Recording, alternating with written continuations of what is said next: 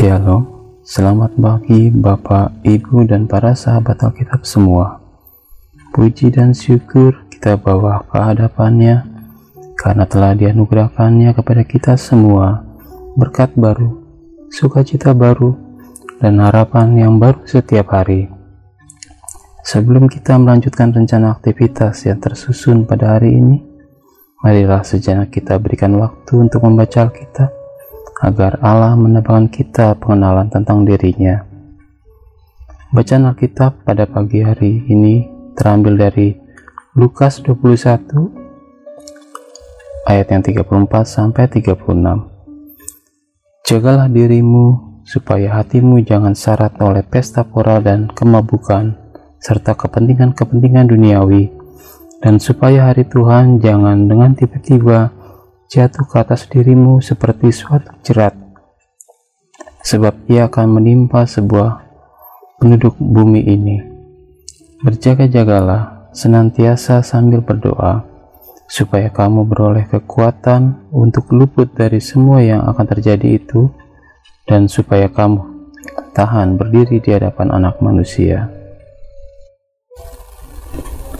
Tema renungan kita saat ini menghadirkan tanda-tanda kerajaan Allah. Membaca teks Injil Lukas 21 ayat 34 sampai 36 memberikan kesan bagi semua pembaca tentang kedatangan Mesias yang dijanjikan Tuhan melalui para nabi Israel ribuan tahun sebelumnya. Juga pesan, jagalah dirimu pada ayat 34 atau berjaga-jagalah senantiasa sambil berdoa pada ayat 36 Hal ini paralel dengan pesan hati-hatilah dan berjaga-jagalah dalam Injil Markus 13 ayat 33 sampai 37. Tema besar dari perikop ini adalah mengenai kedatangan anak manusia. Di dalamnya terdapat pesan Yesus kepada para pendengar khotbahnya. Yang terkhusus dalam perikop ini adalah nasihat untuk murid-murid terkasihnya, supaya murid Yesus tidak terus-menerus dipasung oleh pemahaman bahwa kedatangan Tuhan akan mengubahkan kesengsaraan di dunia ini menjadi dunia yang lebih bermartabat, adil, dan benar.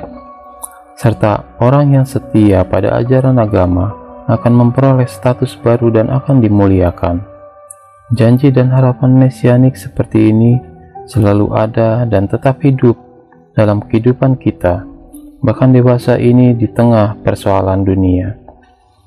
Pada masa kini, pengharapan mesianik bahkan dikemas dalam berbagai kemasan, baik dalam kemasan agama-agama samawi, agama suku-suku, maupun dalam kemasan politik dan isme-isme buatan manusia. Apakah itu salah? Sesungguhnya tidak 100% salah. Tetapi kedatangan Yesus bukan semata-mata membalikan keadaan nyata seperti itu. Kedatangan Yesus ke dalam dunia bertujuan penebusan atas dasar kasih dan pengampunan dari Tuhan Allah. Yesus tidak membangun kerajaan Allah seperti kerajaan-kerajaan di dunia. Yesus menebarkan dan menanamkan nilai-nilai keilahian, nilai-nilai surgawi, nilai-nilai kerajaan Allah di dalam realitas kehidupan manusia supaya dunia beroleh kasih karunia Allah, supaya suasana kerajaan Allah nampak dalam kehidupan kita. Karena itu, Yesus menasihatkan kepada muridnya, Waspadalah supaya kamu jangan disesatkan. Marilah kita berdoa agar pikiran kita terkelola dengan baik, sehingga menghasilkan buah pemikiran yang baik pula. Dan melalui hasil pemikiran kita itu, Allah dapat bekerja agar kita dapat memberikan kebahagiaan, sukacita, damai, sejahtera bagi dunia ini. Meskipun yang kita kerjakan sederhana, namun berdampak bagi hati dan kehidupan orang lain. Salam Alkitab untuk semua.